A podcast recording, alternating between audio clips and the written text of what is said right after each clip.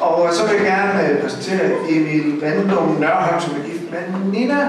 Og øh, Emil, han er i praktik, øh, læser teologi i Aarhus og skal tale til os. Tusind tak. Emil.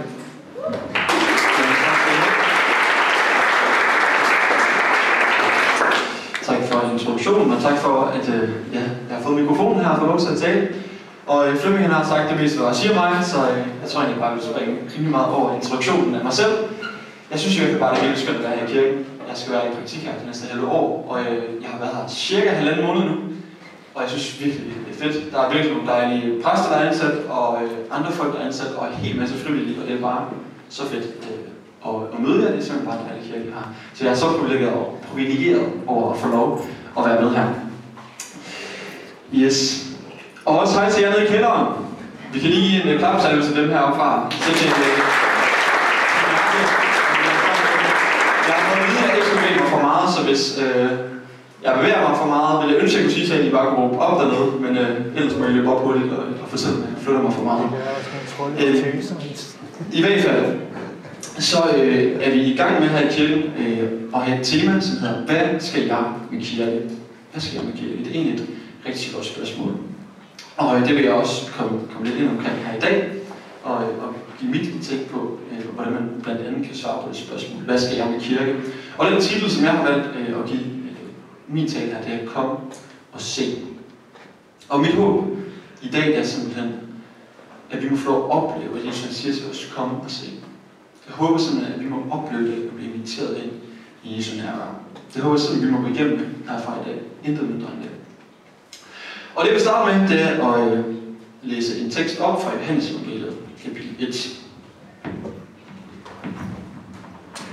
læse. det kommer ikke lige på skærmen, øh, men jeg skal nok prøve at læse, så man kan følge med. I kapitel 1, vers 35 står der, Næste dag stod Johannes der igen med to af sine disciple. der er altså Johannes døberen, der taler om. Han ser Jesus komme gående og siger, Se, der er Guds lam. De to disciple hørte, hvad han sagde og fulgte efter Jesus. Da Jesus vendte sig om og så dem følge efter ham, sagde han, hvad vil I? De svarede, Rabbi, hvor bor du? Rabbi betyder mester.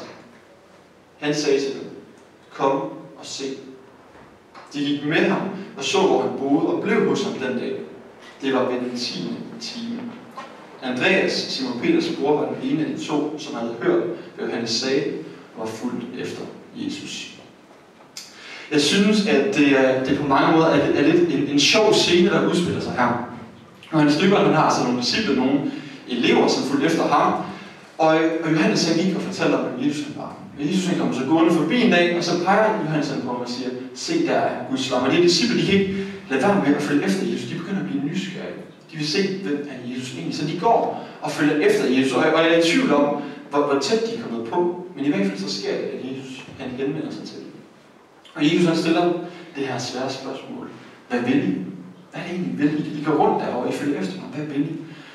Og jeg ved ikke, om de bliver overrasket over, at Jesus han spørger dem. Jeg ved ikke, om de bliver helt paf, fordi deres spørgsmål, eller deres svar tilbage, det er, Rabbi, hvor bor du? Og jeg ved ikke, det er lidt et skørt spørgsmål, synes jeg selv har åbnet op på. Øh, hvor han bor du? Jeg ved ikke, om det har været sådan jødisk small talk, deres øh, svar på, how are you?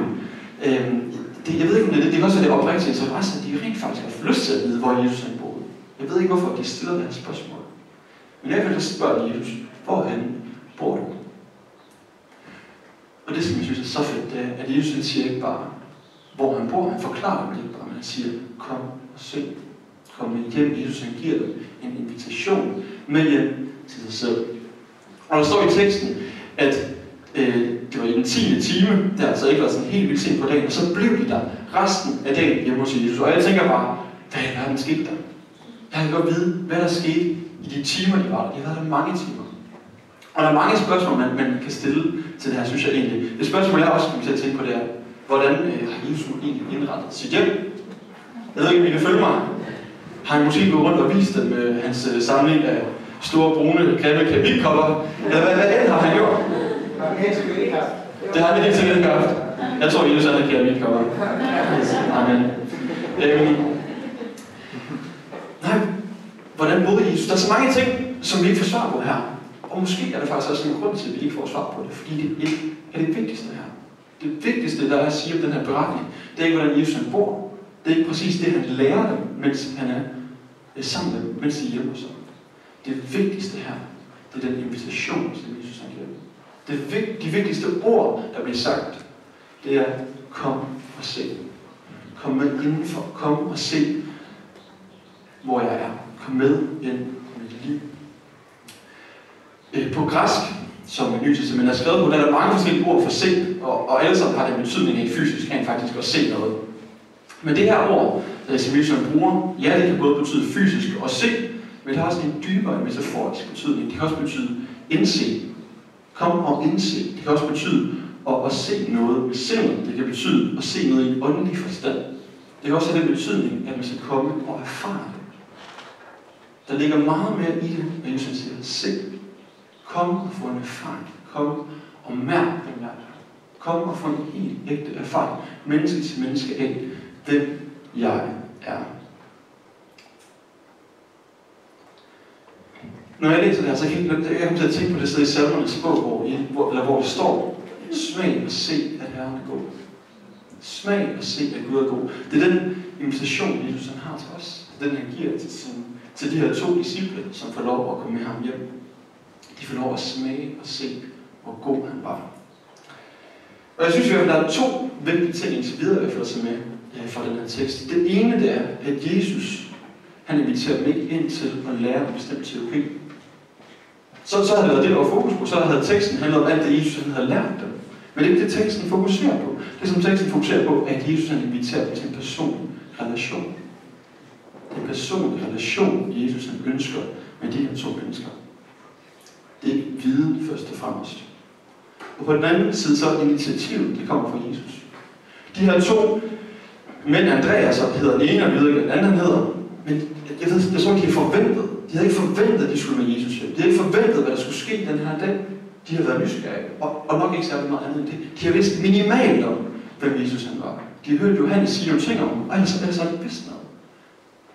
Og invitationen, den kommer fra Jesus. Det er ikke dem, der tigger og beder om at få lov at komme med. Det er Jesus selv, der henvender sig. Jesus henvender sig i personligt til dem og inviterer dem med ind til sig.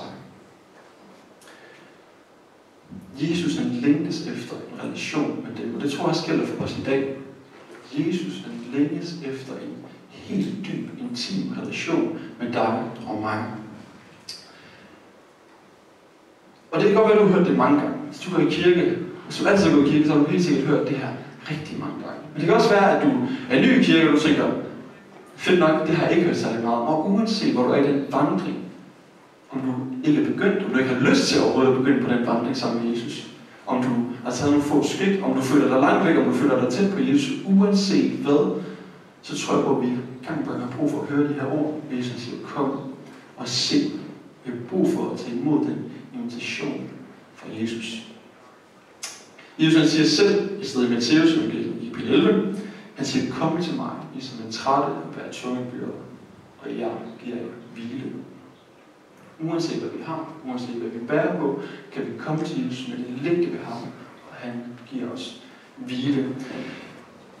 Og jeg tror måske faktisk, at særligt i den her tid, i disse tider, som vi, som vi går og siger hele tiden, i de her tider, så tror jeg faktisk særligt, at jeg, det ved jeg i hvert fald selv, at jeg kan have brug for at høre de her ord til mig. I den her tid, hvor alt er mærkeligt, hvor alt er på hovedet, hvor ingenting er, som det plejer, har jeg brug for at høre de her ord. Kom og se, kom og være sammen med mig. Der er brug for at tage imod den invitation, som Jesus har. Og jeg har lyst til at dele øh, min oplevelse af at starte med at gå i kirke igen efter corona. Øh, det var sådan lige kort en, en sommerferie, at, øh, at jeg for første gang øh, kom i kirke efter mange måneder ikke har været sted. Øh, men jeg er en person, som elsker rytmer. Jeg elsker, øh, at tingene foregår øh, i faste rammer, og det kan godt være lidt svært øh, at bryde med det. Det finder man især, når man bliver gift. Jeg er lige blevet gift her. Faktisk under corona er jeg blevet gift. Så er ikke nok med, at, øh, at øh, rytmer har været væk, men så skal jeg også lige vende mig til, at nu, er, to er vi to altså, personer. Det er endnu mange svært, men det er også fantastisk, som jeg kan sige, det er fantastisk. Lige præcis. Øh, jeg elsker rytmer. Og øhm, min oplevelse her i corona er, at rytmerne, de, de er forsvundet. De er simpelthen blevet taget fra mig. Og for mig, en af de vigtigste rytmer, jeg overhovedet har, det er min morgen. Jeg har brug for om morgenen sætter mig en kop kaffe med min bibel, og så beder jeg bøn. Og øh, det kan godt lyde meget fromt og heldigt, og det kan godt være, at jeg er slet ikke ude på at sige, at det her det er den eneste rigtige måde overhovedet at mødes med Gud på. Men jeg kan bare sige, at jeg har brug for det. Det har jeg brug for. At starte min dag med at mødes med Gud, fordi jeg så glemmer, hvem han er. Det er ikke for at begrænse Gud til, at jeg kun møder mig der om morgenen, hvis jeg sidder med min bibel og en kop kaffe øh, og beder bøn. Det er slet ikke det. Men når jeg bruger den tid, når jeg vælger at bruge min tid sammen med Gud, så så mine øjne de bliver åbne for Gud i resten af min dag. Så om jeg ser ham mere, jeg ser ham mere i naturen, jeg ser ham i min relation, jeg er mere og mere opmærksom på hans nærvær i løbet af min dag, fordi jeg har valgt aktivt på et tidspunkt i løbet af min dag at sætte mig ned sammen med Gud. Det har jeg brug for. Den vane, den har jeg virkelig brug for i min relation. Og selvom corona det er mere tid, og jeg tænkte, det, det vi sikkert give masser god tid sammen med Gud, så var min oplevelse noget helt andet, egentlig rimelig paradoxalt. Tak med Gud, når det lige forsvandt, så var min oplevelse også, at mindre og mindre og mindre, som de der dage de gik, søgte jeg Gud i min hverdag. Mindre og mindre og mindre. Og mere og mere og mere kunne jeg mærke, at jeg blev fyldt af en dårlig samvittighed. Jeg fik dårligere og dårligere samvittighed over for Gud. Jeg ved ikke, om I kender det, hvis man, hvis man føler, at man har gjort noget forkert over for en person, så vil man helst ikke have øjenkontakt. Og det er som om, at, at man kan komme, komme længere og længere væk. Det og sådan oplevede jeg mere og mere fuld med Gud. Fordi at jeg har ikke aktivt søgt af ham, så fik jeg dårligere og dårligere og dårligere samvittighed. Jeg følte, at jeg kom længere og længere væk fra Gud. Jeg kom til at gå med en enorm skyldfølelse. Jeg følte ikke, at jeg gjorde nok for Gud. Jeg elskede ikke Gud nok. Jeg elskede ikke min næste nok. Jeg skulle sidde derhjemme. Jeg måtte ikke mødes med Jeg kunne ikke engang gøre noget. Jeg havde ikke alle mine meritter, som jeg kunne vise frem for Gud. Se, se hvad jeg har gjort. Se Gud, i dag der starter jeg min dag med at bede til dig. Eller se Gud, hvordan jeg elskede de mennesker, der var omkring mig i dag. Det er alle de ting, havde jeg ikke jeg kunne vise til Gud.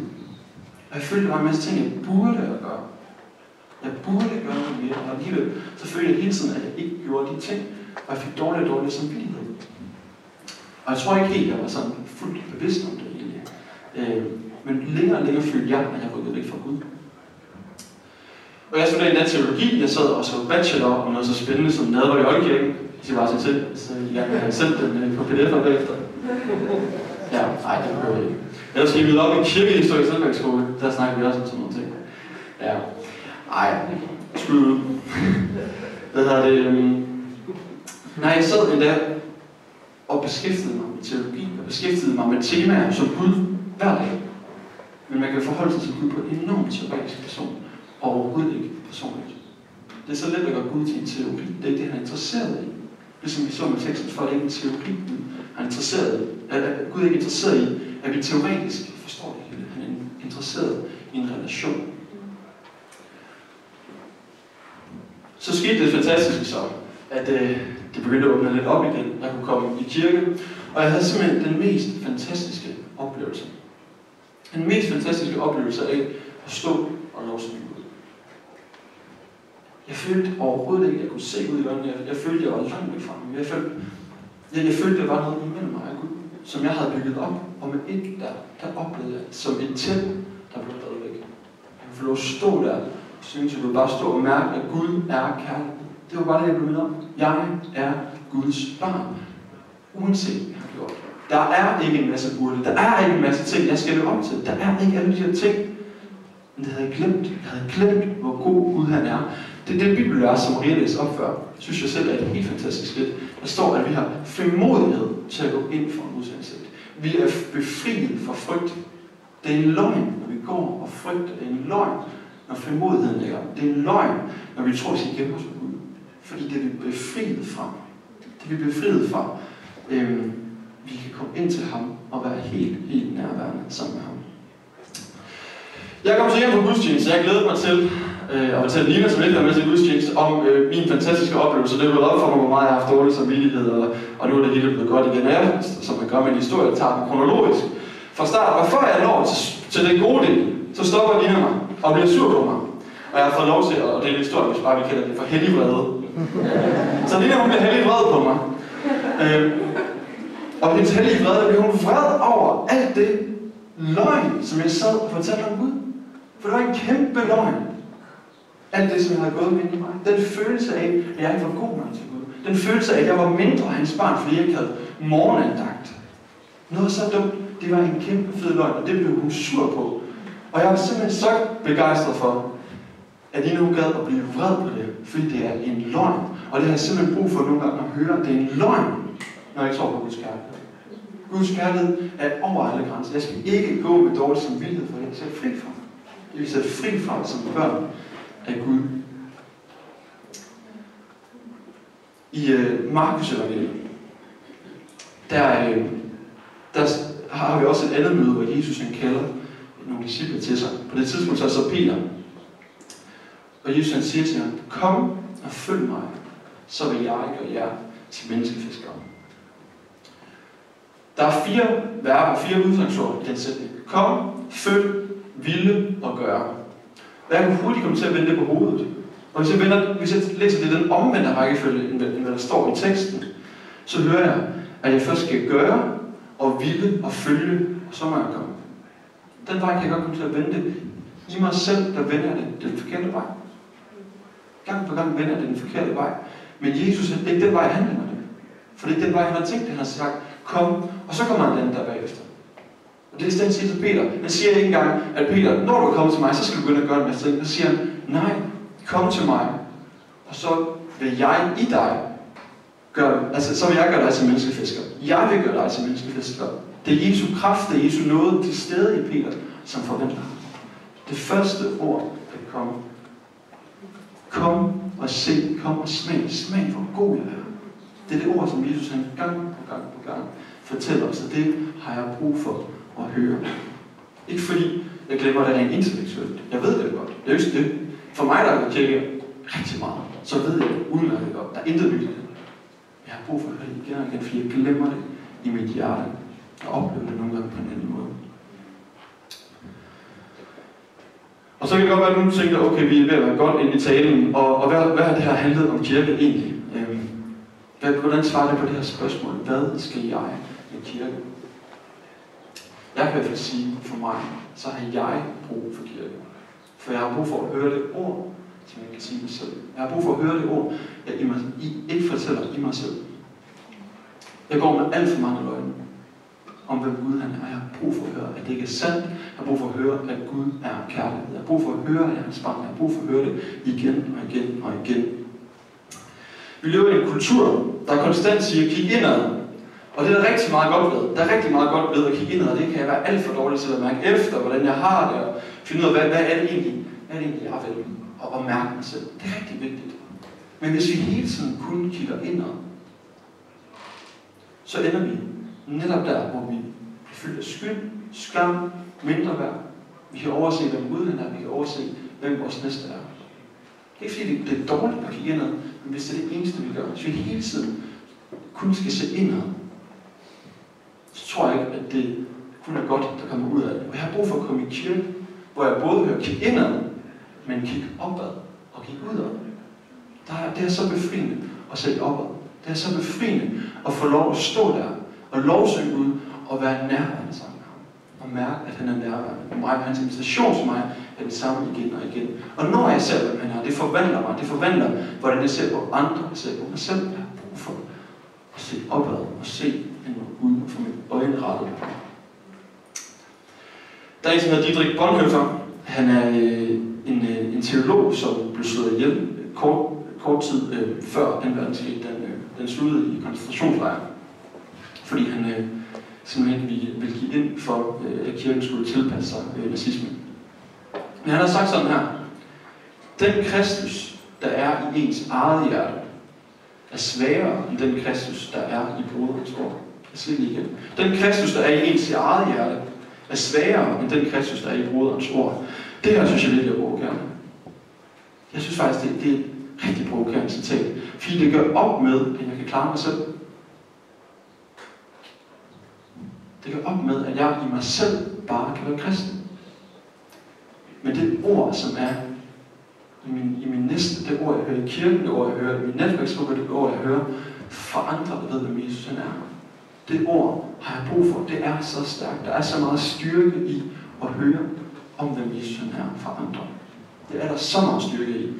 Øhm, og jeg synes, det er provokerende. Det er provokerende, han siger, at det er stærkere det at høre, end det, der er i mig selv. På en eller anden måde gad jeg godt, det var anderledes. Men jeg har brug for andre. Den Kristus, der er i broderens ord, eller søsterens ord, er så stærkt. Ja. Hvad betyder det her så for, hvordan vi er kirke? Ligesom at Jesus inviterer os som individer. Hvad betyder det for den måde, vi er kirke på? At Jesus han virkelig er så kærlig, at han inviterer os så meget. Og jeg har lyst til at, at gå tilbage til Johannes evangeliet kapitel 1 og, øh, og læse lidt videre øh, fra, hvor jeg stod. Det, som vi læste, var jo, at Andreas øh, var en af de to, som, øh, som fik lov at komme med Jesus hjem den dag. Så står der sådan øh, efterfølgende. Først møder han sin bror Simon og siger til ham, vi har mødt Messias. Det betyder Kristus. Og han tog ham med hen til Jesus. Andreas her har, har fået lov til at komme hen til Jesus. Og hans budskab til hans bror der, jeg har mødt, hør hvem jeg har mødt, hør hvem jeg har, hør hvem jeg har mødt, det sådan hedder. Ja. Ikke, ikke hør hvad jeg har lært. Ikke hør alt det jeg nu ved. Nej, hør hvem jeg har mødt. Jeg har mødt Jesus. Og han inviterer ham. Han inviterer ham med hen og se Jesus. Så simpelt er det. Så forvandlet var Andreas af det møde med Jesus. Han selv gik ud og inviterede, som han var blevet inviteret. Og hvis vi skal snakke gode vineyard-terminologier, så kan man sige, at han blev inkluderet og inspireret, og så vil han selv og inkludere andre. Og øh, hvis vi så fortsætter teksten igen endnu videre, øh, så kan vi læse, øh, at næste dag, der ville Jesus til Galilea, og så lyder han Philip, ham har vi hørt om før i teksten, der er en masse personer her. Philip han var fra Bethsaida, fra samme by som Andreas og Peter. Øhm, og så står der, Philip møder Nathanael og siger til ham, ham som Moses har skrevet om i loven, og lige så profeterne, ham har vi mødt, Jesus, Josefs søn fra Nazareth. Nathanael spurgte, kan noget godt komme fra Nazareth? Og Philip sagde til ham, kom og se. Så her der møder Jesus så en, der hedder Philip. Og det som Philip han gør, det er, han så møder sin ven Nathanael. Og da han møder Nathanael, der gør han det helt samme, som vi så før. Han siger, jeg har mødt.